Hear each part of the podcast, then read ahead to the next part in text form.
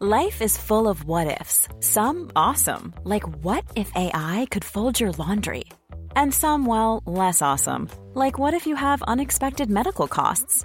United Healthcare can help get you covered with Health Protector Guard fixed indemnity insurance plans. They supplement your primary plan to help you manage out of pocket costs. No deductibles, no enrollment periods, and especially no more what ifs. Visit uh1.com to find the Health Protector Guard plan for you.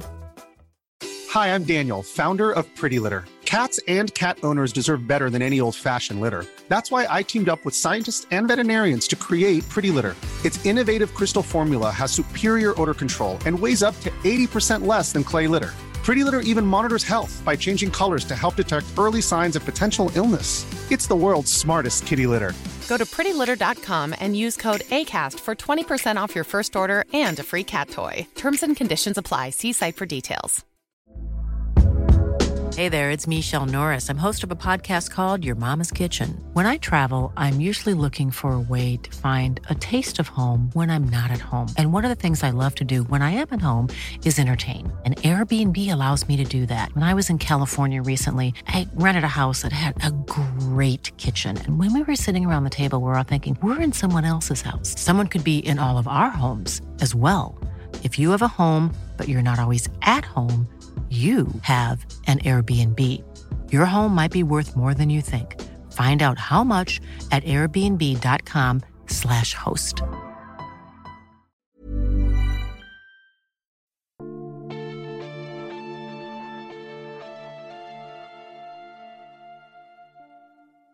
Välkomna till Sagan om Isfolket-podden avsnitt 24 Djupt i jorden. Jag heter Dan och med mig har jag Anna.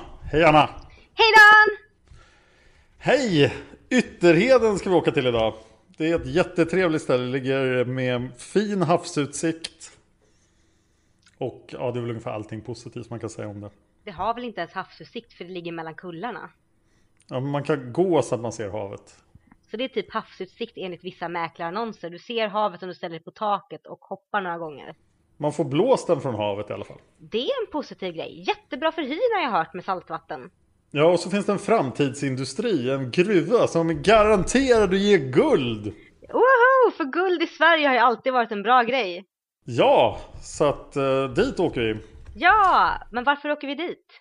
Jo, för vi följer Anna Maria Olsdotter. Olsdotter...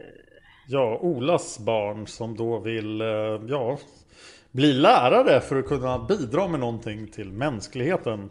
Ja, just det. Alltså jag förlåt, jag glömmer bort Ola för han är så otroligt anonym i sagan.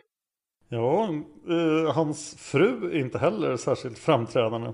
Nej, och det är lite ovanligt att vi har sådana anonyma karaktärer tycker jag. Ja, jag vill ju påpeka här i början av boken också att eh, det är verkligen så här superhögtravande. Det är precis som vargtimmen. Nu ska vi försöka liksom använda bokens titel. Mm. Det finns några sådana såna titlar i Folket där de verkligen, eller där Margit verkligen drar på det här att djupt i jorden och det händer vid vargtimmen och några till som kommer lite längre fram. Jag måste säga att kopplingen till djupt i jorden var något starkare än den till vargtimmen. Ja, definitivt. Här funkar det ju, för här är djupt i jorden mer än, det är ju både en bokstavlig grej och en metafor för människors känslor. Bra sagt! Mm. Ibland, ibland kommer jag på saker. Inte illa. Nej, men då ska vi se här, vi börjar med boken då. Det gör vi. Ja, och det är ju lite mysigt släkt, eh, släkttjat här i början med vem Anna Maria är och att hon är en snäll och trevlig människa och vi får ha en konfirmationsfest också. Ja, den här mystiska tillbakablicken i boken. Mm. Den klassiska vad har hänt sedan sist? Men det funkar hyfsat bra tycker jag. Ja, ingen är drabbad för det var ju den där döda. Mm, Gunillas eh, ofödda barn. Ja, så det är nästa generation som, som blir jobbig förstår jag. Precis. Och jag tycker att de knyter ihop hela återblicken snyggt i och med att det är ändå knutet till, kring en fest och de får prata allting mycket. Men jag hade glömt i den här boken att det är här den svenska grenen skiter i isfolksnamnet. Ja, de struntar i att hjälpa Heike och nu struntar de i isfolksnamnet. jag ska bli norsk medborgare. Det här är en skandal för Sverige. Men Heike är inte långsint. Nej, det borde han vara. Jag hade varit rätt grinig fortfarande. Men vi följer Anna-Maria då i hennes livskall för att mamma har tagit livet av sig och pappa dog i kriget. Mm -mm. För det var ingen vettig idé att följa Oxenstiernas. Nej, det har aldrig varit någon bra idé att följa dem. Gud. Så, ja. Mm. Och hon är ensam och vet inte riktigt vad hon ska göra. Och hon är väldigt rik dock. Ja, väldigt rik är hon inte, men hon har väl det där arvet från Ingela som kommer. Och så har hon Skenes som också tillhör Ingela. Så att än är hon ingen rik. Mm.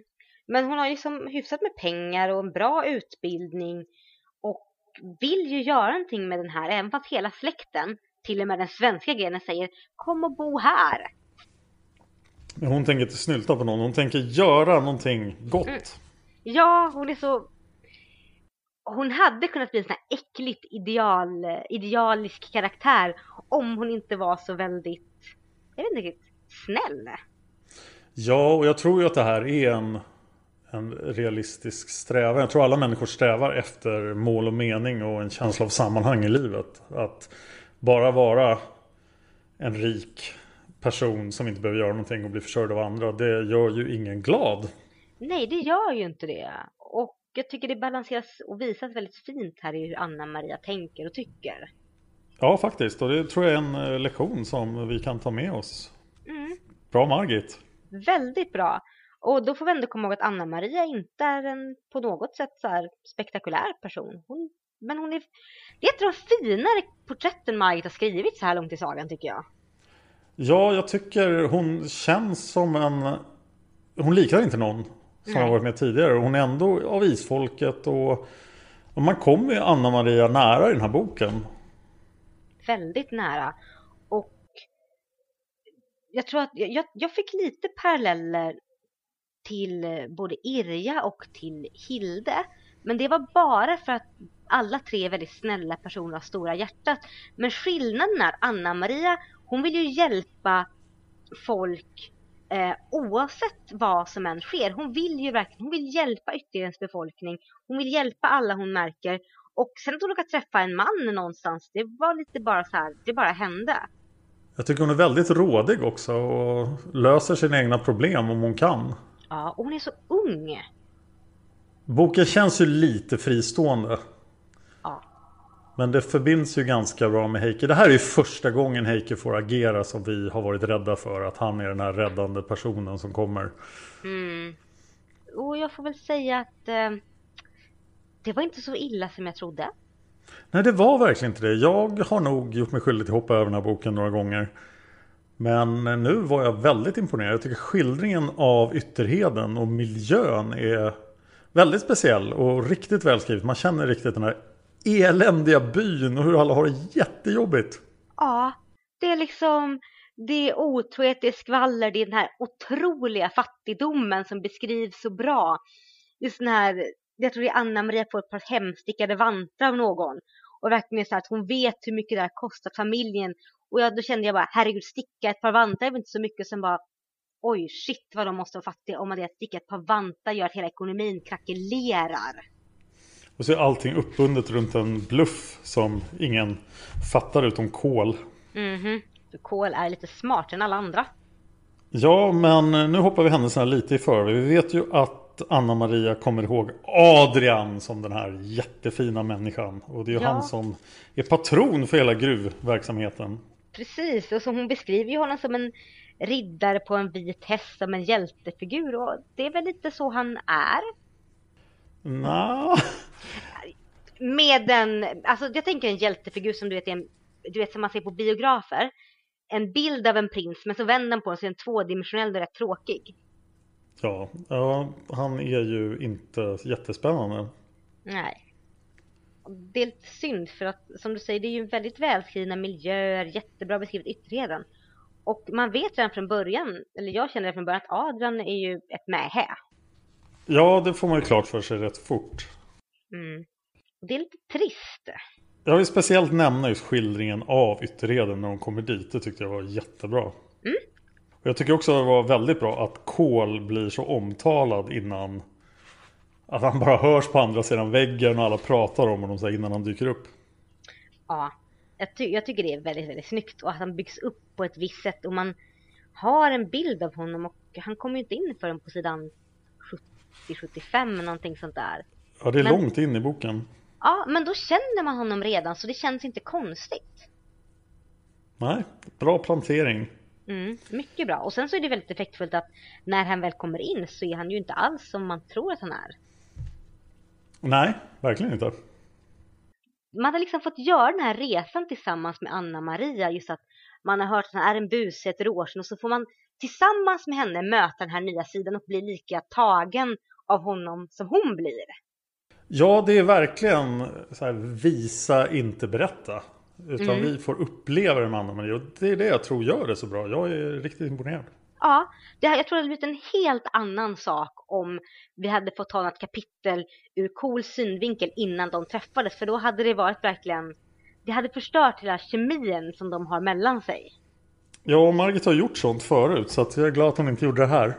Ja, det jag tror det är kanske det som gör den här boken så bra för mig. Att den är ny på så många sätt. Ja, jag blev verkligt, verkligt engagerad när jag satt och läste den här. Bland en massa kids på tåget. Jag åkte snälltåg från Linköping. Oj, herregud. Och snälltåg betyder tydligen att det är ett riktigt gammalt uselt tåg där man sitter jättenära varandra. Långsamt och skakar och... Ja. Och det är tur att det inte är något pinsamt omslag på den här ändå. Ja, det kändes pinsamt nog att sitta och läsa den där. Det ja, var en massa typ tonårskillar bredvid mig. Okej, okay, det är helt sött, sliskigt, eh, romantiskt omslag. Mm. Vad finns det mer för intressanta människor i Ytterheden då? Eh, Klara eh, skulle jag säga. Ja. Klara mm. Andersdotter då som Anna-Maria får bo hos när de väl kommer dit med sin väska fylld med skolböcker, sina kläder och sin burk med hallonsylt. Varför har de med sig en burk med hallonsylt? Ja, det undrar jag också. Det, det förtog lite intrycket av en en praktisk och logisk människa. Men hon kanske var väldigt förtjust i hallonsylt. Men den kom ju aldrig tillbaka eller? Hon har ingen nytta av burken. Jo, hon, jo, det, hon serverade den någon gång. Ja, det just gång, det. Det är någon gång hon pratar om sylt sen. Mm, genom fika. Men ja. jag hade ju tagit med mig typ en stor, ett stort stycke rökt skinka som hade räckt lite längre. Ja. Sådär. Men Klara, den här Klara Andersson, den här rådiga kvinnan som då upp, som då Anna-Maria bor hos, som har barn, vars man har slagit henne och som sedan flytt då med, ska jag säga, Klaras brors, Klaras bror Klampens fru. Ja. Och hon verkar vara, hon är inte så väldigt utvecklad Klara, men jag tycker om henne för hennes så här, hon symboliserar liksom allt det här karga, tuffa som finns i Ytterheden. Ja, att hon är lite ovänlig i början för att allting är så eländigt där. Men sen eh, mjuknar hon upp och blir riktigt trevlig. Precis, och så här, Ja men så här, hitta sin sociala tunga och allt sånt där. Och, och så ja. Klampens lilla historia med dottern då som man vill ha tillbaka. Det tyckte jag var jättefint. Ja, verkligen. Ja, verkligen, verkligen fint. Sen har vi ju Nilsson. Blä. Ja, och Nilsson känns ju verkligen som en Margit-skurk. Så jag trodde han var ansvarig för allting och blev väldigt förvånad när han blev mördad. Precis, för att han, han kändes ju från början, kände han ju som en typisk skurk, men inte säker på vilken nivå han skulle vara på. Han presenteras som en förvuxen kerub med svarta kontorskläder och vita långa armskydd med en servil röst. Det skriker ju Margit Skurk. Det skriker Margit Skurk. Och han beskrivs också att han är sötsaksberoende. Och på något ställe säger, sägs att han är som en kyrkängel också. Märklig beskrivning. Ja, och jag tror att det ska symbolisera att han är lite tjock. Ja, lite fatshaming igen nästan. ja, den gamla godingen alltså.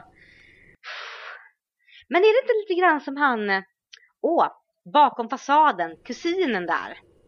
Ja, inte riktigt lika illa, men, men väldigt mycket hans stil. Det är han man tänker på. Mm. Och han, Nilsson är lite mer, han är lite mer sliskig med allt sitt skvaller, sitt sätt att utpressa folk på, tigga till sig favörer, pressa folk på pengar för att han ska hålla tyst. Han är ju riktigt obehaglig. Ja, och han verkar agera helt själv, eller i, ja, lite som han själv vill. Först trodde, tänkte man att han kanske var styrd av Adrian. Adrian var riktiga skurken. Men Adrian kan inte styra någon. Adrian, man märker ju väldigt snabbt att Adrian inte har någon egen agenda alls. Nej, och sen har vi alla de här gruvarbetare som jag tyckte var ganska sympatiska till slut också. De är lite, lite dumma i början. Ja.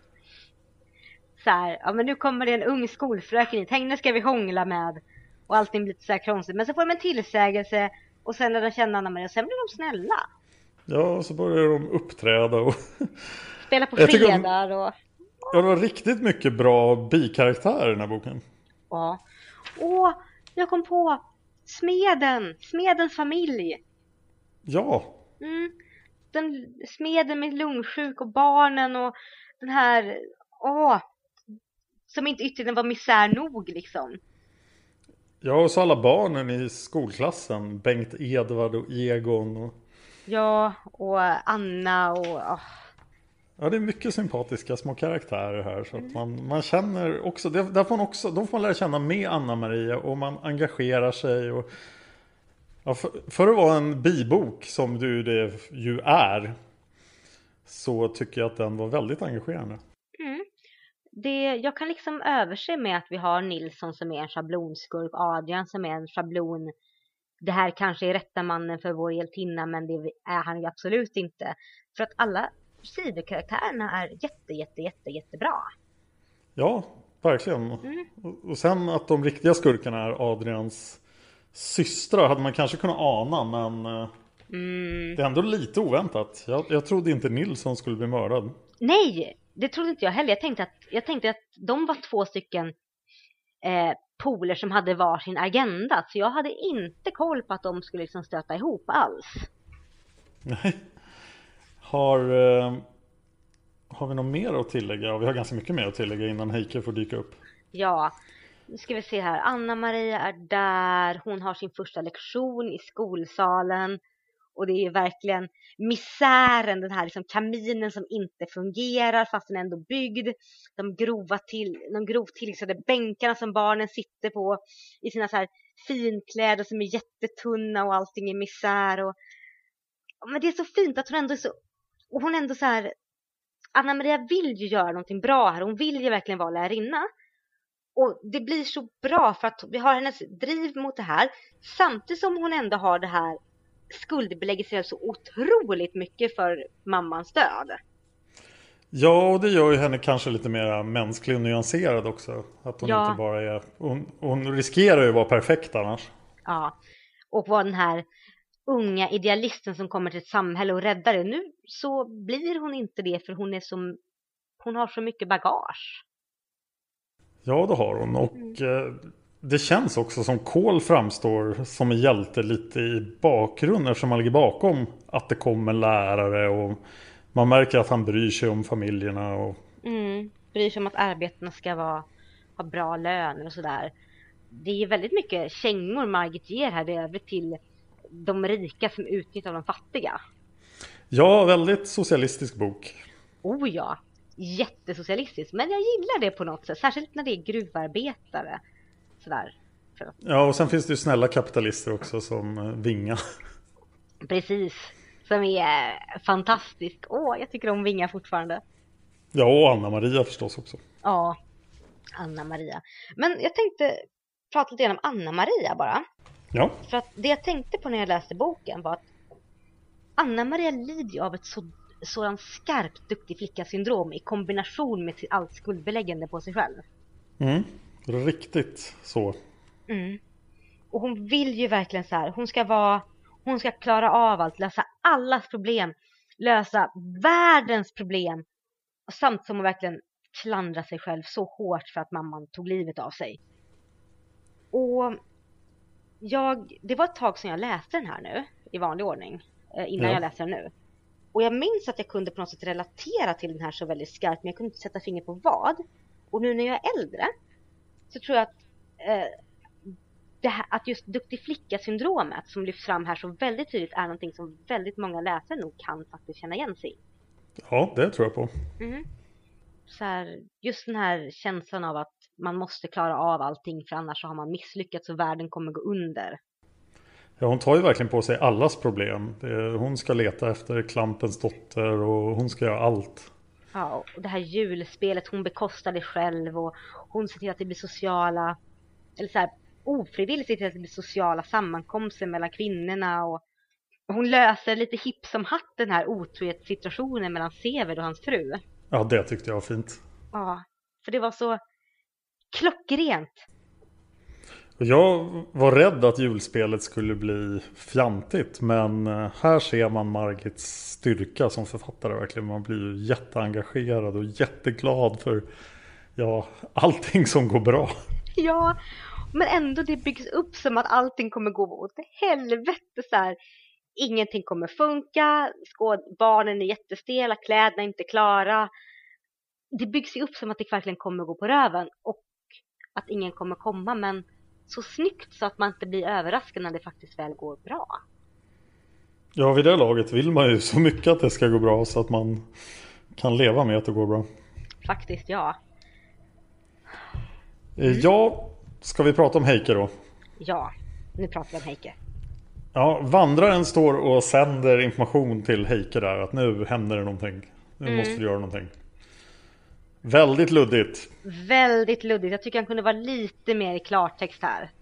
Ja, han skulle till exempel kunna, om man nu har kontakt med förfäderna, berätta någonting för dem. Så kunde de berätta det i klartext. Men det är jätteluddigt.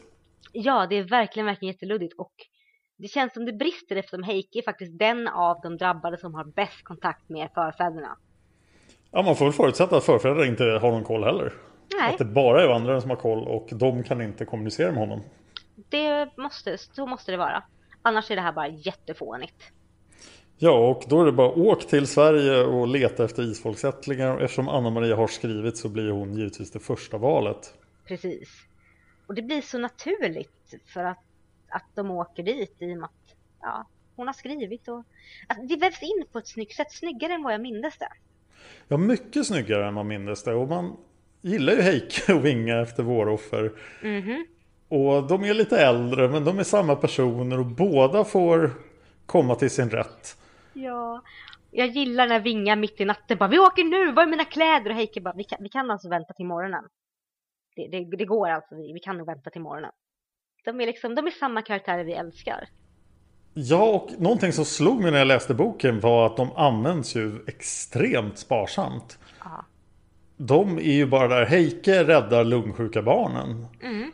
Och de ger styrka i någon slags coachroll till Anna-Maria. Och Vinga har ju det mötet med familjen Brandt. Men de gör inte jättemycket. De löser inte alla problem. Nej. De är mer bara där som en slags buffert på något sätt. Ja, nästan där för att påminna oss att uh, isfolk, det här är en bok Isfolket. Men lite så, lite grann som när uh, Ja, men som i Spökslottet när Cecilia och Alexander, eller Cecilia och Alexander dök upp och var så här Kom ihåg att det är en Isfolket-bok!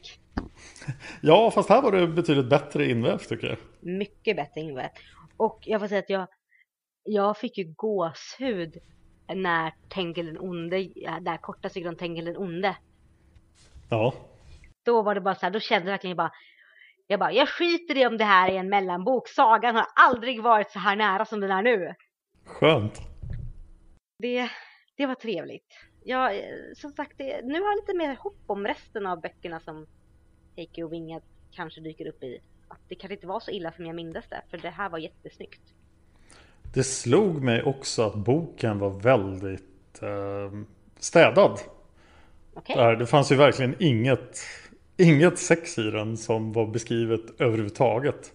Det var fult när Lisen låg med vet han, Sixten. Sixten. Mm. Och det var fint när Anna-Maria Kohl hade ihop det men man fick inte reda på någonting. Det var väldigt städat. Väldigt städat. Men det passar ju liksom för hela uppbyggnaden. För det här är en bok som bygger mycket på eh, mycket hetta, mycket subtila signaler, mycket så här trevande blickar och sådär. Så det, det funkar. Jag tror det hade liksom hela stämningen hade bara raserats dött ifall vi fått en sexscen någonstans. Ja, den var, den var ju beskriven, men den var beskriven på ett väldigt annorlunda sätt. Ja, jag tänker på det. Jag kände inte av den här... Alltså hela boken är ju väldigt mycket ur Anna-Marias perspektiv. Ja. Förutom några gånger när Vinga gör lite saker, men det... den är väldigt, nu blir det en dålig ordvits, den är väldigt jordnära den här boken. Oh. Nej men så här att vi, det här allsmäktiga författarperspektivet är inte så närvarande här. Nej, och eh, när det blir spännande när man är ute på heden när den där yxmördaren som bara är Nilssons påhitt tydligen. Dumma Nilsson. Och sen knivattacken och hela, hela trippen ner i gruvan. Det är ju det är spännande. Det är ju varulvsstämningen igen. Ja, det är det. Väldigt mycket. Åh, usch, gruvor. Ja, vi ska komma till gruvan. Men Anna-Maria håller på att bli mördad. ja, just det. Mm. För hon har ju varit där och hon har börjat reda upp saker. De har kommit hem och ska ha ett julspel. Och hon har träffat Cool som verkar vara en hyfsad, en hyfsad snubbe. Inte alls så här, okej okay, han är rå och lite så här vulgär men ändå hyfsat bra. Han är ju väldigt rå. Ja, men inte så rå som hon trodde, inte på det sättet hon trodde han skulle vara. Nej, han är väl eh, typiskt den här badboyen som liksom har en gnutta godhet och så här. Här kan jag göra något bra av tycker Anna-Maria. Ja, jag är lite så här, jag tänkte på det just det här med badboy. Jag vill inte klassa honom som en badboy riktigt för att jag känner som han som har blivit uppbyggd som en sån badboy. Det enda som är som folk tycker att han är en busig är att han är jättejobbig att ha att göra med tycker de som är i överordnad ställning för han kräver anständiga löner för sina arbetare och kräver typ rättvisa. Ja, han är ju verkligen den goda socialisten. Precis, så jag vill inte kalla honom en bad boy nästan, jag vill kalla honom en bad socialist token guy. ja, men han har ju någonting väldigt charmigt över sig. Ja, särskilt i kontrast till Adrian och Nilsson som bara är konstiga. Mm, värdelösa. Mm jag blev av någon anledning jätte, jättegripen. Nu är jag nästan riskerar att spoila någonting men jag måste okay. nämna här ändå. Mm. När eh, Kohl och Anna-Maria fick ihop det. Okej. Okay. För att jag trodde det skulle finnas någon liten plantering där. Men det gjorde det inte. Nej, ingenting bara, alls. det, är, det är nu de får barn, tänkte jag. Nej, det är det inte alls. Det är bara Nej, jättefint. Så de kanske aldrig får några barn. Nej, det tror jag inte. Eller så jo, de får barn. Ja, och det ska vi prata om mycket. Oh ja, det ska vi göra. Väldigt mycket. Eh, men nu ska vi se Just det, vi skulle försöka mörda Anna-Maria. Förlåt ja, jag bara precis. hoppar vilt. Ingen fara, det gör jag med. Men de har anmält träffat cool, allting går bra. De har haft den här första sammankomsten med kvinnorna. Och det vill jag dröja lite grann, för det är väldigt fint tycker jag. Ja, det var någon slags kvinnlig gemenskap som jag alltid har undrat över där med bakande och det känns som man, man har sett det här utan att någonsin förstå det. Ja, och jag är ju så dålig på att, eller jag är en dålig person att fråga om det, för jag umgås ju inte jättemycket med kvinnor. Och har aldrig gjort det, och jag kan inte baka. Men eh, jag, jag förstår ju ändå den här grejen av att ett litet samhälle där man inte har så mycket kontakt, att man faktiskt bli en del av en gemenskap. Och det förstår jag för att jag relaterar till mina egna tonår när man så kom in i en ny klass. Och efter ett tag, och man satt du vet, på olika bänkar och var så här jätteåk och efter ett tag, typ några veckor så började man så kunna connecta och sen så kom den första kanske ja, jag ska fira min födelsedag och alla tjejerna i klassen är bjudna och så vill man komma dit och så blev det väldigt trevligt. Mm. Det, är ju, det, det, är en väldigt långdragen parallell. Men nej, för först förstod jag inte alls. Jag bara, men alltså kvinnorna kunde ju bara pratat med varandra så hade det varit löst. Ja, de behövde verkligen en, en samfällighet, en förening av Ja, men lite så. För att när jag tänkte på det, bara, fast det är inte så att man går över och pratar med grannen bara sådär. Det krävs att man sätter sig ner och pratar med dem vid ett tillfälle som inte är i anknytning till hem och hus och jobbigheter. Ja, just det. Och Ytterheden är ju bara fullt av elände och problem. Ja. Så det har inte hänt tidigare. Nej precis, de har inte haft en neutral mark att prata på. Så det tycker jag är väldigt fint när de sitter och planerar att de så här, vi kanske kan baka någonting till julfesten och Anna-Maria bara, jag betalar. Och alla är så här, ja men då kanske jag kan få baka det här brödet med lite äkta vetemjöl. Och man bara, åh gud, era liv är så misär. Ja, jag kanske kan få göra den där knäcken som mamma gjorde när jag var liten. Ja, man bara så här, åh, jättemisär. Och sen så ja, Så är det julkrubba och lurdags och sen blir Anna-Maria överfallen och nästan mördad. Ja, Och det är ett rätt brutalt mordförsök. Jag hade glömt hur... Jag hade för mig att hon typ fick ett slag i huvudet men det här var ju kniv och sten i ryggen och vild jakt och sönderskurna kläder. ja det var verkligen ett eh, uruselt genomfört knivmord. Ja, sämst. Om du ska köra kniven någon, varför kör du in den i någons hand? Ja, det verkar ju som att eh, Lisen var det då, eller var det Kerstin? Vad hette hon? Det är någon av dem. Ja, att den personen inte hade jättemycket erfarenhet Nej, av kniva folk. För Anna-Maria kom ju väldigt lindrigt undan. väldigt lindrigt undan. Och igen, om du ska köra kniven i någon, varför kör den i handen? Jag menar, kroppen Det kändes är mer stor. som en olycka. Eh, Det är vanligt vid knivöverfall att man får värjningsskador på händerna. Var någonting sånt som hände. Det är sant. Det tänkte jag faktiskt inte på. Då gör det helt plötsligt mycket mer sens för mig. Och så väldigt tjocka kläder som blev uppslitsade men aldrig riktigt genomträngda. Mm. Tänk alltså så här, många lager ylle, underkläder, korsett. Ja, kläder. Det är vinter också, det är december. Gud. Ja, då måste de helt ha gett upp den där giftermålsplanen om de väl bestämmer sig för att försöka ha ihjäl henne. Ja, jag förstår inte riktigt det. Eller så bara tyckte de att vi kanske kan... Men det var, kan... det var inte det efter han hade skrivit på det här kontraktet. Så... Jo, så att det var väl planen då att om hon är död så kan hon inte klaga. Nej, precis. Och då kan de få det här lånet och de kan ljuga och säga att hon har lovat att gifta sig med Aden. Då tillfaller ju egendomarna honom och så blir allting bra. Och, och Adrian verkar inte riktigt vara insatt i det här. Han är ju inte utan skuld men Nej, men han verkar ju inte ha koll på att någonting har hänt. Han verkar ju mer vara så att han försöker leka direktör, men det går inte bra. Och så vägrar han se att det inte går bra. ja, samma sak. Han försöker förföra Anna-Maria och vägrar se att det inte går bra. Utan han verkar ju tro på att de ska gifta sig. Ja, Alldeles för länge. och jag förstår liksom inte vart han får den illusionen om alls. Nej men det kan jag tänka mig att folk missuppfattar sånt. Ja, Anna men jag kan ju inte säga nej. Men hon försöker ju men Adrian känns ju helt enkelt jättemisslyckad i allting han företar sig. ja, han lyckas inte med någonting alls. Han är dålig chef, han är dålig. Han är dålig på allt. Är han mer eller mindre skyldig i det här sammanhanget än sin mamma? Jag skulle säga att han är mindre skyldig på ett sätt för hans mamma kände ju till saker och det gjorde inte Adrian. Ja, det, hon känner till knivöverfallet. Ja, Ja. har jag för mig. Men han är mer skyldig eftersom han har genom sitt inkompetenta ledarskap av gruvan så att alla arbeten i djupaste misär. Och vi får aldrig veta vad följderna blir, eller hur? Vi har en till ordentlig fjärdingsman.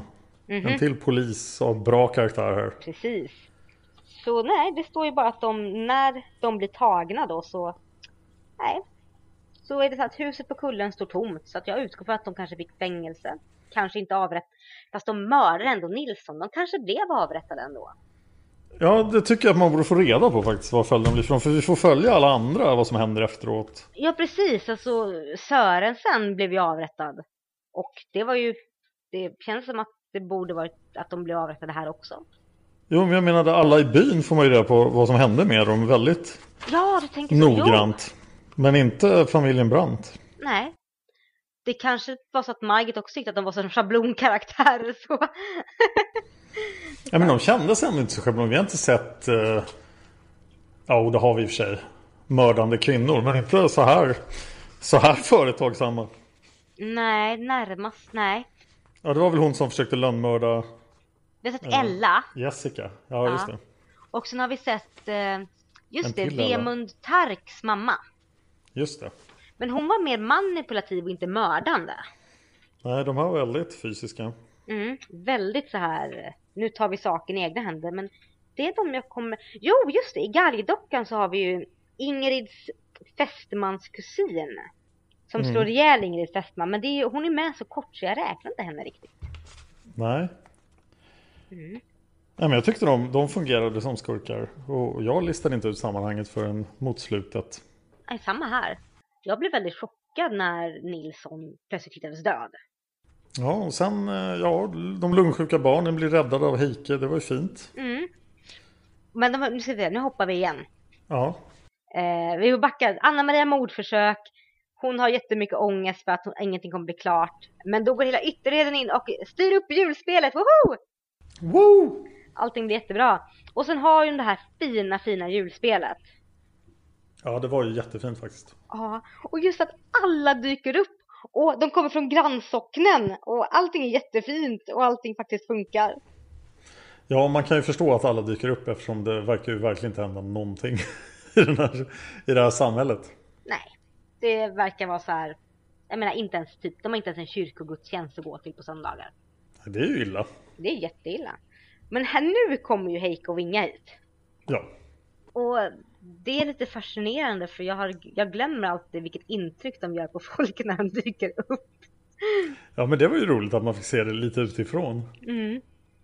Sådär och att det är fint att se dem igen och att de är trevliga och bra. Och Vinga fortfarande är riktigt eh, härlig. Ja, hur gamla är de här egentligen? Ska vi se, Anna-Maria är född år...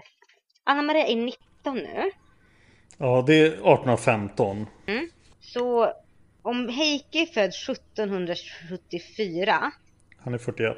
ja, och Vinga är drygt 39. 38. Ja, de är inte så gamla. Nej. Nej, alltså det är fint.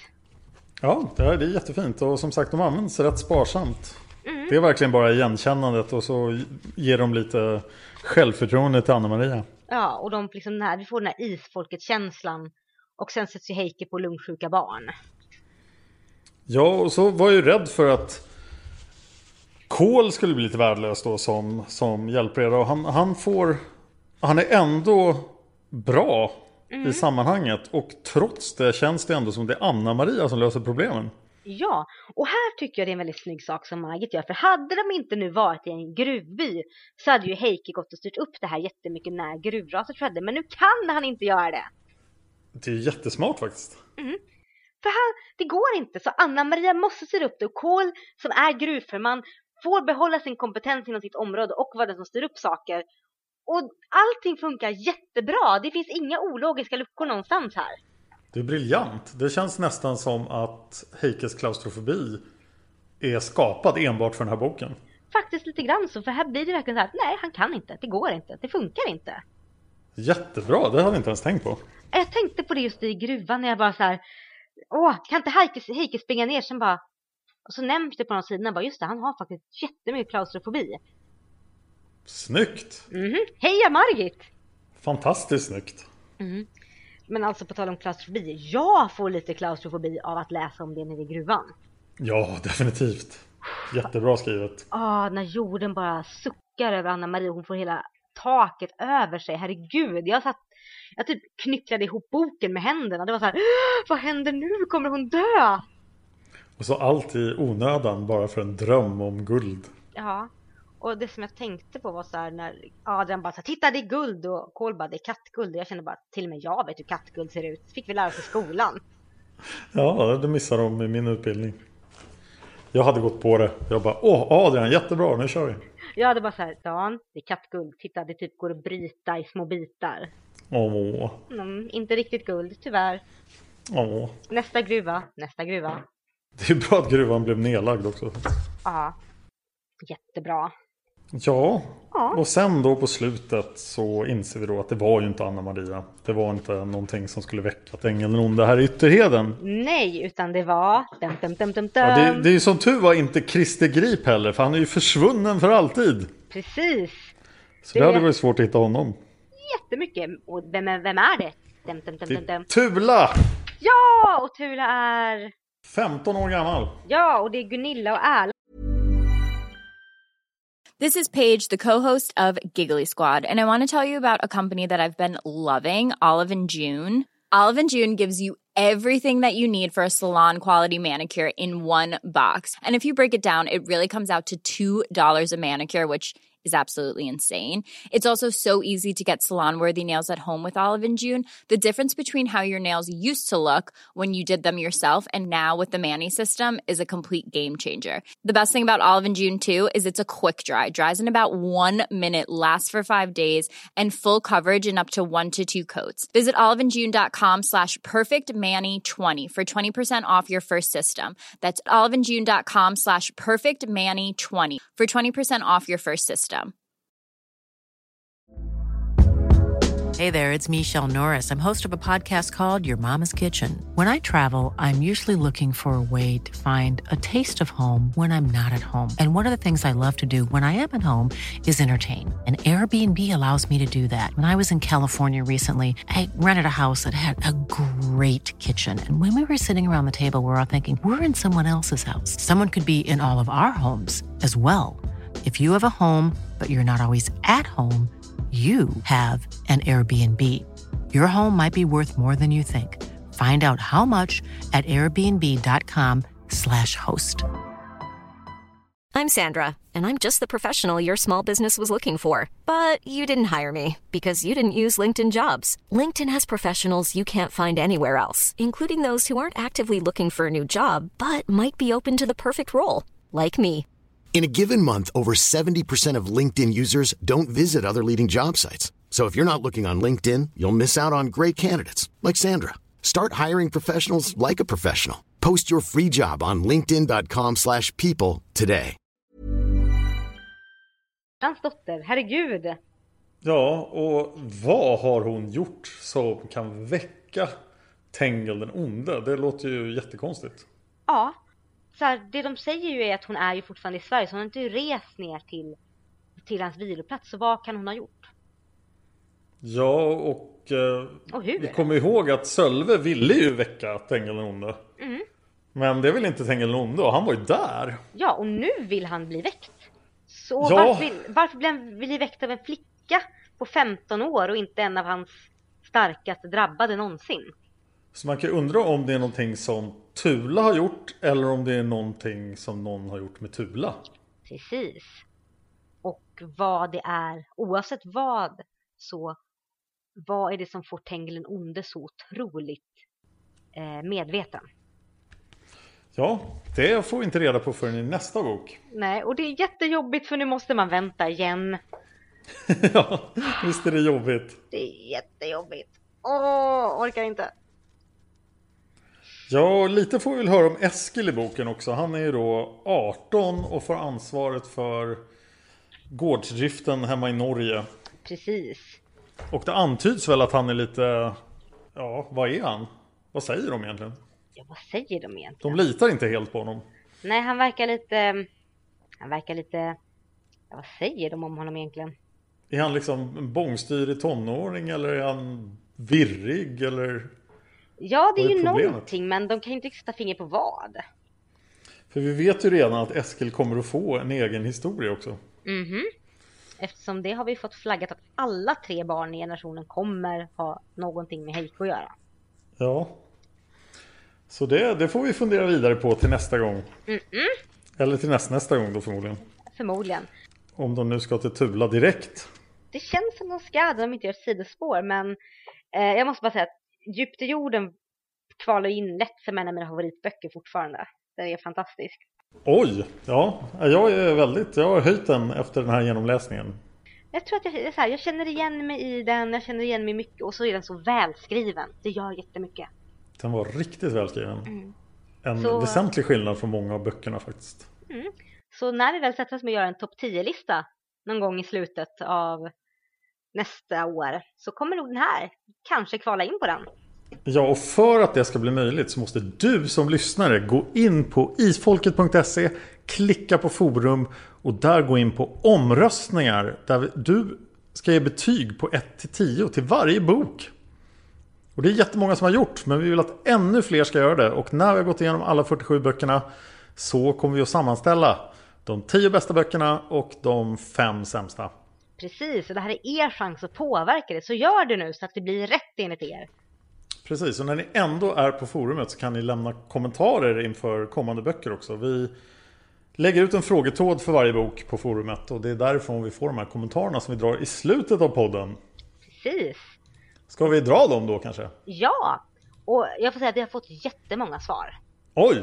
Ja, vi har fått... Bra. Ja, vi har, det här var, jag var imponerad. Mycket svar på den här boken.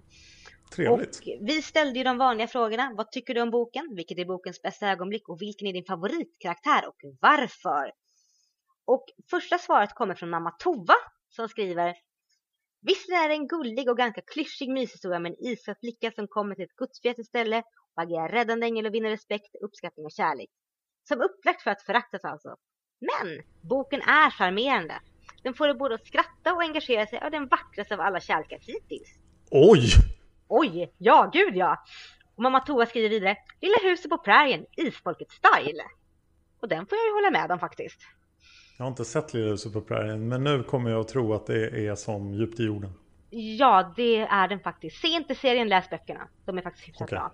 Eh, vidare skriver mamma Tova Extra krydda av att Tengil den onde börjar vakna till liv och plötsligt får hela isfolksagan ytterligare en dimension. Den lilla lurken lever faktiskt och kommer komma fram snart. Det är läskigt att konkretisera hot som förr bara var en legend. Bästa ögonblick? När folk strömmar in i salen för att få se julspelet. Alla från byn, gruvarbetarna som tagit ledigt, till och med folk från grannsocknen. Mitt hjärta sväller av lycka och ögonen tåras. Underbar scen. Favoritkaraktär? Jag gillar Anna-Maria trots att jag inte riktigt identifierar mig med henne alls. Kanske just därför. Min förtjusning i Heike tar lite paus jag faller nu handlöst för cool Simon, haha! Övriga synpunkter? Om Sevets hustru. Och jag läser ur boken. Antagligen var hon lätt att förföra, men med ett offer för mäns begär, en född slampa. Mamma Toa säger What? Ja. Det är lite Ja, vad- konstigt ja. Vad har du att säga om det? Ehm, det är en konstig formulering och jag har, ja, nej, jag vet inte riktigt. Det, det känns så väldigt, det känns som en slags förklaring på att hon är lätt att ligga med och det får hon, alltså vill hon ligga med folk får hon göra det och kanske inte just på den här tiden för det har varit typ en hor att göra det men det känns som en slags förklaring att någon konstig förklaring jag inte riktigt får rätsida på.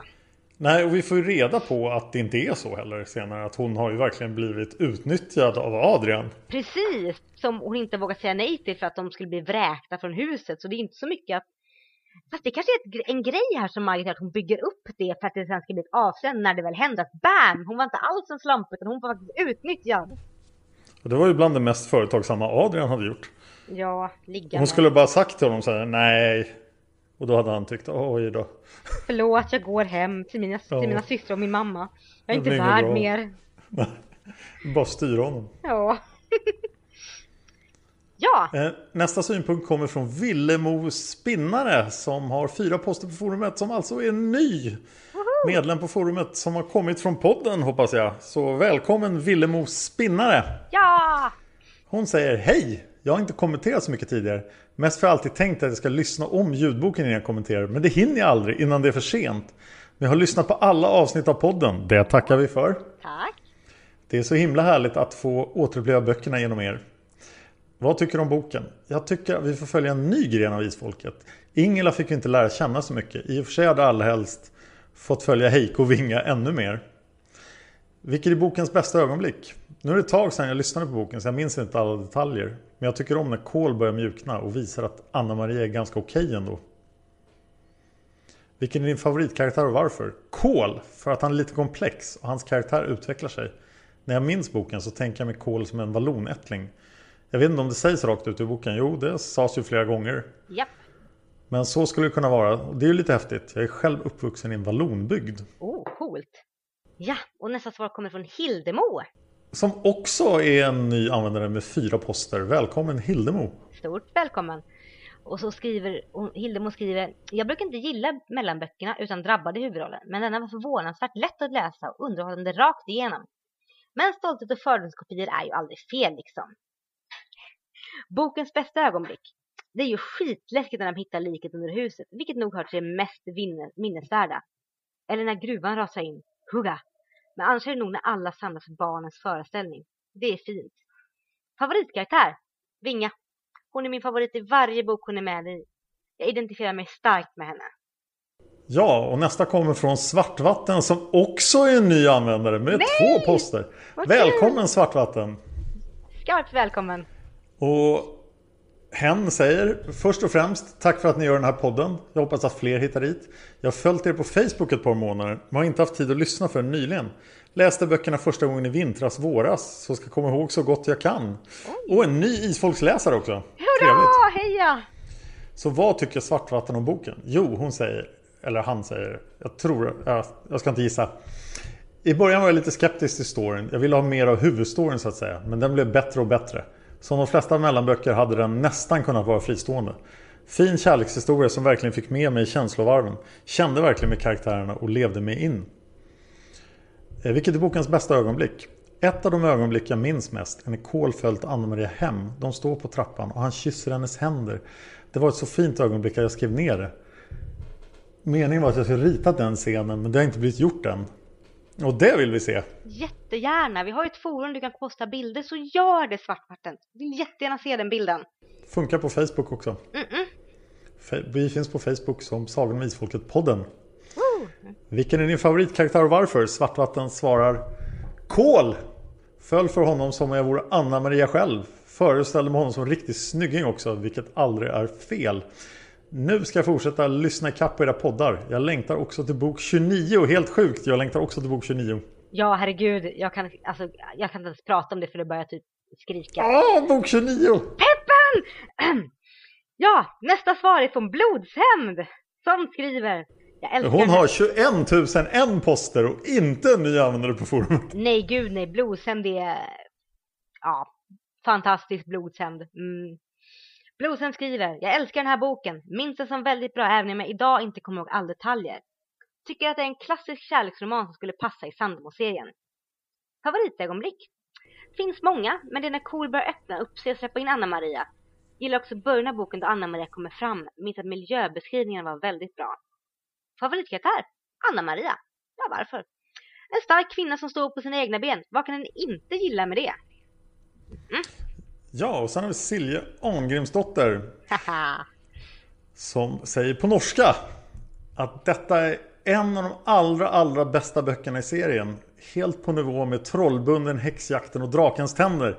Det sker så mycket här och det lilla gruvsamhället är så stämningsfullt beskrivet. Handlingen blir därför väldigt levande. Samtidigt är den en av de allra finaste kärlekshistorier jag har läst. Vilket är bokens bästa ögonblick? Egentligen alla scener där Kohl och Anna-Maria är med. Men det två allra bästa är kanske då Kohl tar med Anna-Maria hem efter att ha räddat henne och lille Egon från stormen. Och då Kohl kommer till skolhuset med den vackra gamla julkrubban. Det slog, det slog gnistor mellan dem från allra första stund. De har en härlig kemi och förhållandet mellan dem växer fram sakta. Eh, sakta nog till att vara trovärdigt utan att det blir långdraget. Som till exempel Heiko Vingas historia. Oj. Det som sker under turen för att hämta hem Klampens dotter och under raset i gruvan är väldigt bra beskrivet. Eh, turen påminner lite om Silje och Tengel på hästryggen efter att Hemming har stulit Dags ägodelar. Ja, just det ja. Lite synd att det ögonblick som alla väntar på blir avbrutet så fort. Uppbyggnaden är så fin och så är det så brått slut. Julspelet och de små sjuka barnen får vara med och det är också väldigt rörande. Vilket är din favoritkaraktär och varför? Jag vet inte om jag klarar att välja mellan Kohl och Anna-Maria. Båda hör bland mina absoluta favoriter.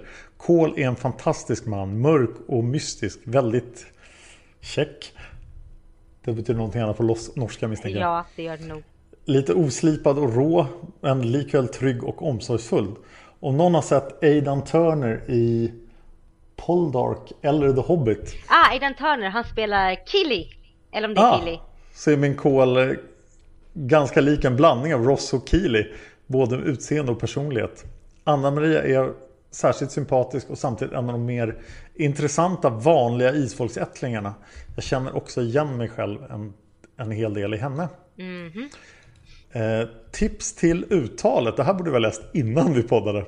Ja, oj. Kohl heter ju egentligen Guy- Guillaume Simon. Namnet i franskt uttalas Guillaume Simon. Guillaume Simon. Eh, Guillaume Simon. Mm.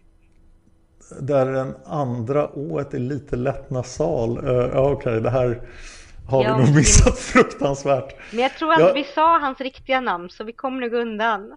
Ja, jag. jag. har, jag har inte kommenterat uttalet av Heike förut men namnet är egentligen tysk. Så därför borde det uttalas mer som Heike. Med lika tryck på bägge stavelserna än Heike. Okej. Hej, hej. Heike. Ja. Jag tror inte, Ving, inte Vinge är något vanligt namn på norska. Jag har aldrig hört det i något annat sammanhang. Men namnet Inga som också är norskt blir uttalat med klart G-ljud. Inga. Eller? Lite som ändelse ing på engelsk. Så vinga. Vinga. Vinga. Ja. Ja. Du får nästa. Nästa är från Malou av Isfolket som skriver Min absoluta favorit kan läsa den om och om igen. Har läst den sju gånger nu. Den är så intressant. Bokens bästa ögonblick. Åh, när Anna-Maria ska följa Egon hem och så kommer Cool som bjuder in henne till hans hem. Eller när Anna-Maria säger till Cool, jag hoppas du är tokig eller något sånt på slutet till Cool. Ja. Favoritkaraktär? Oj då, i denna boken är det nog cool. Vilken personlighet den karln har. Så fort jag bara läser honom så svindlar det för mig. Love him. Ja. Jag har en massa kommentarer om Cool faktiskt, men de måste vänta. Mm -mm. Till senare böcker. Eh, nästa person är Heike, vår übermoderator på forumet. Ja. Som säger den här boken tyckte jag var en av de sämsta när jag läste serien första gången.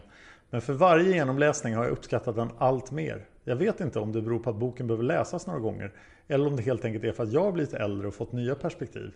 Men numera brukar jag se fram emot att läsa den. Vilket är bokens bästa ögonblick? När Tengel den ond öppnar sina ögon. Mm. Det är en spännande scen som gör allt så definitivt på något sätt. Tidigare har det varit mest gissningar och aningar. Men nu vet vi verkligen att Tengel den onde lever.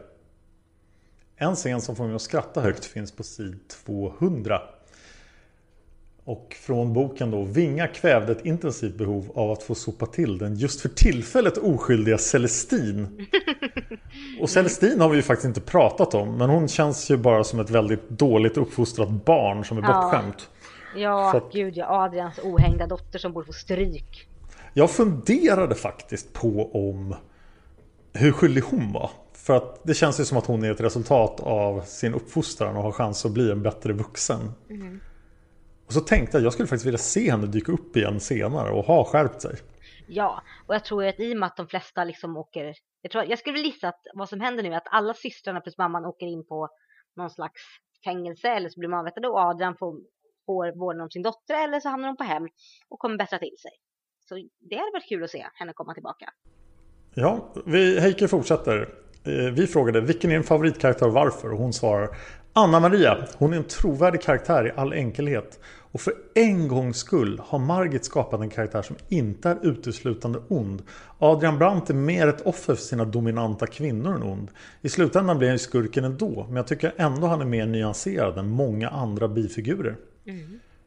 Övrigt, Ola letar efter de drabbades tecken i Anna-Marias ansikte. När hon slår upp ögonen ett par dagar senare kan han pusta ut. Att kattungar föds blinda vet jag, men människor öppnar väl ögonen direkt.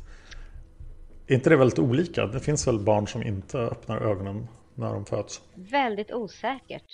Men jag tror inte det dröjer flera dagar. Jag tänkte inte på det när jag läste mm.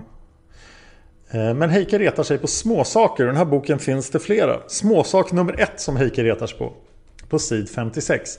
Men i Seveds fönster syntes ett kvinnoansikte. Det försvann snabbt och Anna-Maria hade hunnit se en blond skönhet av det enklare slaget. dockaktigt snäll och menlös. Antagligen var lätt att förföra men mer ett offer för mäns begär än en född slampa, precis som vi sa förut. Mm. Hur kan Anna-Maria läsa in allt det från en snabb skymt av ett ansikte genom ett fönster? Det känns mer som ett sätt för Margit att direkt tala om hur vi ska se på kvinnan så att hon inte behöver förklara karaktären närmare. Och det är ju dessutom fel då. Ja, precis. Så det var intressant. Väldigt intressant. Nummer två av småsakerna som Heike retar sig på. Från boken då. Precis som Nilsson antagligen hade tänkt ta skolfröken och kol in flagranti. Vilket var ett annat uttryck för bar gärning. Bara med lite mer suspekt klang och omoral. Varför ta med det uttrycket överhuvudtaget om det ändå ska förklaras i detalj i samma mening? Sant. Eh, nummer tre av småsakerna som Heike retar sig på. Från sid 251. Fadern hade blivit religiös efter olyckan som hade givit honom många men. Religionen är ofta den enda räddningen för brännvinsmissbrukare. Vilken generalisering! Det stör mig otroligt mycket. Jag är ju belägen att hålla med Heike. Samtidigt som att det var väldigt mycket brännvinsmissbrukare i Sverige på den här tiden och det var väldigt starka religiösa strömningar som arbetade för att man skulle få bort brännvinsrörelsen. Ja. Eh, ja, det, den var intressant. Alltså hur mycket brännvin folk drack på den här tiden är svårt att förstå idag. Ja, det är bisarra mängder. Otroligt mycket brännvin. Mm. Jag skulle rekommendera alla att gå in och se avsnittet av historieätten där de går igenom eh, 1700-1800-talet. För att få en uppfattning om hur mycket de dricker. För det är, alltså det, alltså min lever börjar gå under bara jag tänker på det. Ja, det kan jag tänka mig. Jag måste dra en helt irrelevant historia. Jag hoppas jag inte har dragit den tidigare. Den är nog från 1850 tror jag, så det är lite senare än det här då. Men då började Ja, kaffe drack ju folk sedan länge men även te började bli populärt och det skedde en omfattande import av kaffe och te. Och det upplevde brännvinsindustrin som väldigt hotande. Mm. Så att det finns en jättefin tidningsannons från, jag tror den är från 1850. Där eh, det är alltså en helsida i motsvarande då Dagens Nyheter i ledande dagstidning. Där det är en bild av en kines. Mm. Och så står det drick inte kaffe och te. Det gör dig liten och gul. Va? Ja! Oj. Det var, det var från brännvinsindustrin då, som skulle skrämma folk och sluta hålla på att dricka kaffe och te istället för brännvin. Oj! Mm, eh, jag den... saknar ord. Ja, och det, sånt här fick man publicera i tidningen. Åh oh, gud, jag är glad att jag kommit lite längre. Nu, var vi, nu pratar vi jättemycket om Heikes kommentar, men jag vill säga en till sak om det här med religion. Mm. Eh, jag vet inte riktigt om det går att tillämpa direkt på alkoholister, men folk som har väldigt lång, en väldigt lång historia av kriminalitet, så här, återfallsförbrytare som inte slutar begå brott. Mm. Folk som bara åker in i fängelse, de räddas i princip bara av två saker. Och religionen är faktiskt den ena. Okay. Att om de blir liksom grovt religiösa då, då är det en väg ut från återfallskriminalitet. Och den andra är fint nog kärleken. Att ja. eh, kvinnor kan faktiskt förändra de här personerna. Mm. Så ja, jag kan faktiskt tänka mig att många räddades från brännvinsmissbruket av religionen. Ja, jag skulle tänka mig att de bytte en gemenskap mot en annan. Mm. Mm. Nu fortsätter vi Heikes kommentar efter ja. det här jättelånga eh, utspelet. Att männen i isfolket lätt får kåtslag vet vi ju. Men Kol kanske ändå tar priset när Anna-Maria ska sova hos honom efter några helvetesdygn. På sid 247. Han måste vara hos henne och lugna henne. Kosta vad det kosta ville. Men han skulle göra sitt yttersta för att inte förgripa sig på henne. Hur han nu skulle kunna avvärja det. Ja, säger Heike. Det måste vara svårt att inte våldta den man älskar. mm. Ja, eh, det är en konstig formulering. Det är en jättekonstig formulering. Ja. Jag vet inte om förgripa sig innebär något annat än just våldta i en gammal svensk bemärkelse. Eh, annars så vette katten, ja, jag, jag, vet inte, jag har ingen kommentar. Nej, inte jag heller. Gå vidare till nästa. Ja, från, och nästa kommentar är från fröken Anna-Maria som skriver. Oh. Mm -mm. Djupt i jorden är helt klart min favoritbok i hela serien. Det är något i kärlekshistorien som gör mig berörd, varm och glad. Dessutom är jag både i yrkesval och andra egenskaper rätt lik Anna-Maria. Diakon och lärare samt emellanåt en oförmåga att tänka på mig själv för att min omgivning ska ha det bra och svårt att säga nej. Jag uppskattar också att vi i boken får lära känna lite bipersoner på ett något djupare plan än vad som är vanligt på serien. Till exempel Klara, Klampen, Seved, Egon och Bengt Edvard. Skurkarna är förstås stereotypa som vanligt, Brandtfamiljen och Nilsson, men när den Brandt visar att den har en djupare sida som tyvärr aldrig kommit fram antingen för tiden eller familjens kvinnor som aldrig låter honom vara i fred. Miljöbeskrivningen är detaljerad men tyvärr inte kläderna, jag som älskar empirmode. Jag har grubblat en del på var detta fiktiva Ytterheden ligger i Sverige. Ljungheder och gruvor vid havet känns inte bekant någonstans. Eftersom Skenäs ligger i Östergötland kan Anna-Maria knappast ha rest allt för långt bort därifrån. och därför funderar jag på trakten kring Kolmården eller Vikbolandet. Eller också har dragit norr om Stockholm och uppe längs med Norrlandskusten. Folkskolestadgan kom 1842, men innan dess förekom folkundervisning på vissa ställen i Sverige, oftast i anslutning till städer och andra herresäten. Ett privat initiativ kopplat till en gruva är säkert möjligt men förmodligen inte så vanligt. Favorithändelser? Mm, det finns många, men framförallt det som beskriver hur Anna Maria Kohl dras till varandra. Till exempel hennes besök hos honom i stormen, närheten vid julkrubban, färden till stad med klampen och olyckan i gruvan. Jag tycker också om när Anna Maria samlar byns kvinnor och gör en social gärning, samt julfesten förstås. Favoritkaraktärer? Anna Maria absolut, men också Kål Simon. Han är en riktig man att bli kär i. Att Anna Maria lyckats åstadkomma så mycket vid 19 års ålder är en bedrift. Som Kål uttrycker det, flyttar hon går solen ned över ytterheden. Ja, roligt. Eh, Anna Maria skriver vidare. När jag sett historieätarna på tv så har jag lärt mig att socker i maten blev vanligt. Jag har lärt mig att socker blev vanligt i maten under 1800-talets början. Man sockrade på allt. Lax, potatismos med mera. Roligt därför att karaktären Nilsson beskrivs som sockerberoende. Jag hade gärna velat veta hur det gick för de andra ytterheden. Anna-Maria och tar ju Klara och Klampen med till Skenäs, men vad hände med dem sedan? Blev Bengt Edvard någonsin operasångerska? Sångare. Favoritboken är detta, absolut. Ja, då måste man respektera valet av namn då som fröken Anna-Maria. Mm -mm. Som då är registrerad 23 februari och kanske också en som har kommit via podden. Så välkommen ja. till forumet. Definitivt. Nästa Nästa svar och det sista kommer från Fröken Violett som också är ny på forumet. Välkommen! Hurra, välkommen! Oj, nu klockan är 18. Vi får se om det här hinner komma med. Ja, vi blev två timmar försenade. Så att... Det är han med. Första inlägget, wee! Okej, okay, så djupt i jorden då. Den här boken är en ganska typisk mellanbok enligt mig och jag tycker rätt bra om den. Den känns lite lång och lite tjatig i vissa partier men på det stora hela gillar jag den. Man slungas ganska snabbt in i historien och är Anna-Marias tragiska öde. Att hon ger sig av för att komma bort från alla minnen känns troligt. Och jag får ganska snabbt intrycket av att hon är en ganska ovanlig isfolket-kvinna. Stark och kapabel, absolut. Men lite svalare än de vi sett tidigare. Vilket jag tycker känns skönt. För ibland kan jag tycka att karaktärerna är nästan löjligt lika varandra. Och särskilt dessa mellankaraktärer. Boven, vad heter han nu? Han på kontoret. Nilsson alltså då. I dramat är dock tyvärr som alla andra skurkar i isfolkeböckerna sliskig, äcklig och girig. Även syrrorna och barnet i det fina huset är riktiga Margit standardskurkar. Jag gillar plotten i boken även om den är lite typisk. En välutbildad ung kvinna kommer för att lära de vanlottade gruvbarnen om världen. Men finner även sig själv där vid de karga klipporna vid havet. Eller något.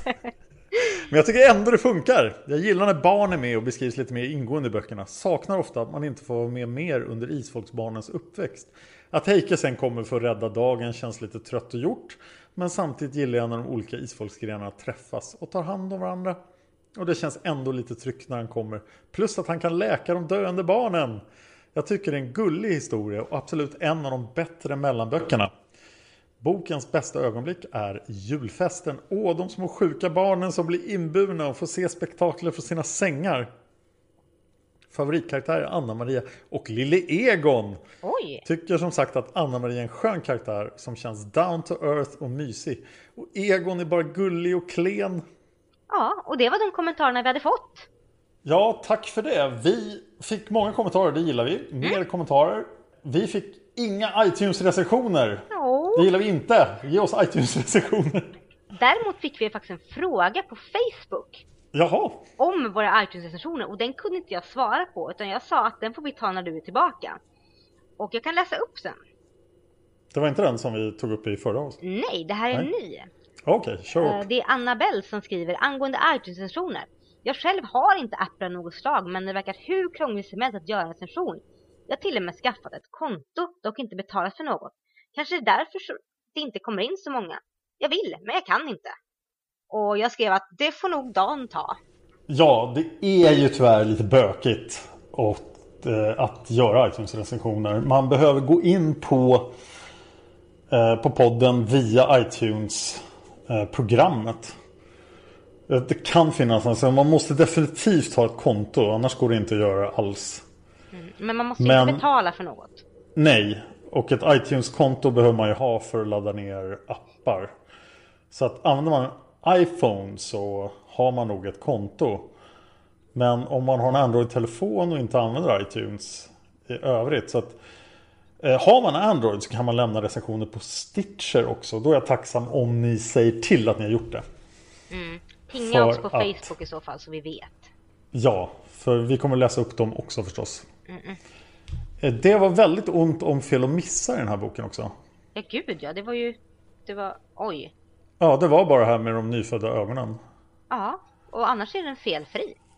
Ja, och det, det reflekterar lite vad man kände om boken. För den här... Jag får en liten misstanke om att den här typ fanns nästan färdig. Och så pressade Margit in den i Isfolksaga. Jag misstänker henne ofta för det. Men den här gången gjorde hon det extremt väl i så fall. Ja, jag håller helt med. Men det hade varit väldigt roligt. Eller så här, det hade varit väldigt roligt om det inte var så. Men jag är helt okej okay med att hon gör så för det funkar så bra i det här fallet. Sen kan det dyka upp böcker som det inte funkar så bra i. Men här funkar det jättebra. Ja, det funkade fantastiskt bra. Mm. Och det var väl allt vi hade för idag. Ja, det var allt vi hade för idag. Mm. Men vi kommer tillbaka i bok 25. Ja. Var kan lyssnarna hitta mer av dig, Anna? Jag har en blogg, setsunaseras.blogspot.se som ni jättegärna får gå in och läsa. Jag skriver lite mindre nu under sommaren beroende på att jag jobbar mycket men jag försöker vara aktiv och posta minst en gång i veckan. Annars har jag en Facebook-sida, Setsunaseras, som ni jättegärna får gå in och gilla. Och där postar jag ut, förutom mina bloggposter, roliga länkar, bilder på kattungar, lite annat sånt där kul. Sen finns jag på Twitter, där heter jag Anna Seras och ni får jättegärna gå in och följa mig, jag följer er tillbaka såklart. Och Dan, vad kan man hitta mer av dig? Jo, man kan hitta mig på Twitter som Dan Horning och på Facebook som Dan Hörning. Jag vill plugga två av mina andra poddar idag. För jag har precis lyssnat igenom alla avsnitt av min podd som är på engelska dock. Som heter Fan of History, handlar om antik historia. Börjar år 1000 f.Kr. och eh, berättar världshistorien tillsammans med Brennan. Som är från Texas. Och eh, ja, eftersom jag just lyssnade igenom den podden så förstår jag inte varför inte alla lyssnar på den. För jag blev jättegripen av att höra mig själv berätta om historia för Brennan. Eh, sen har jag då en, eh, en hit skulle jag nog vilja säga faktiskt med min podd om Palmemordet. Den har blivit jättestor. Och är definitivt min mest eh, lyssnade podd. Om ni gillar mysterier så är Palmemordet det största olösta mordet. Den största olösta mordutredningen i världshistorien. Globalt, över hela världen. Har aldrig varit ett mord som är så mystiskt. Och tyvärr finns det ingen lösning på det heller men det finns väldigt mycket skumma detaljer. Så att jag har hittills gjort 24 avsnitt tror jag och det finns ingen mått. Det kommer att fortsätta. Jag gör ett avsnitt i veckan av den. Och den har blivit väldigt, väldigt populär. Finns på Facebook som Palmemordet, också på iTunes som Palmemordet och på YouTube som Palmemordet. Så vill ni veta vad som hände Olof Palme den 28 februari 1986 så kan ni lyssna på den podden. Mm, jag säger gjort. Det är jättebra lyssning. Ja, den är också på svenska då, vilket den bara delar med den här podden. Mina andra poddar är på engelska. Mm, men de är också fanatiskt bra. Tack för det. Då hörs vi nästa gång. Det gör vi. Ha det bra. Hej.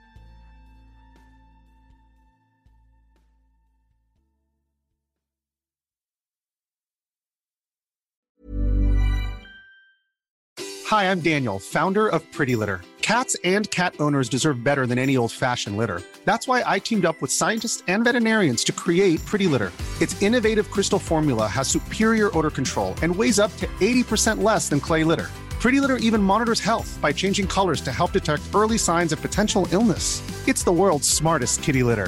Go to prettylitter.com and use code ACAST for 20% off your first order and a free cat toy. Terms and conditions apply. See site for details. Hey, it's Paige DeSorbo from Giggly Squad. High quality fashion without the price tag? Say hello to Quince. I'm snagging high end essentials like cozy cashmere sweaters, sleek leather jackets, fine jewelry, and so much more. With Quince being 50 to 80% less than similar brands. And they partner with factories that prioritize safe, ethical, and responsible manufacturing. I love that. Luxury quality within reach. Go to quince.com slash style to get free shipping and 365 day returns on your next order. Quince.com slash style.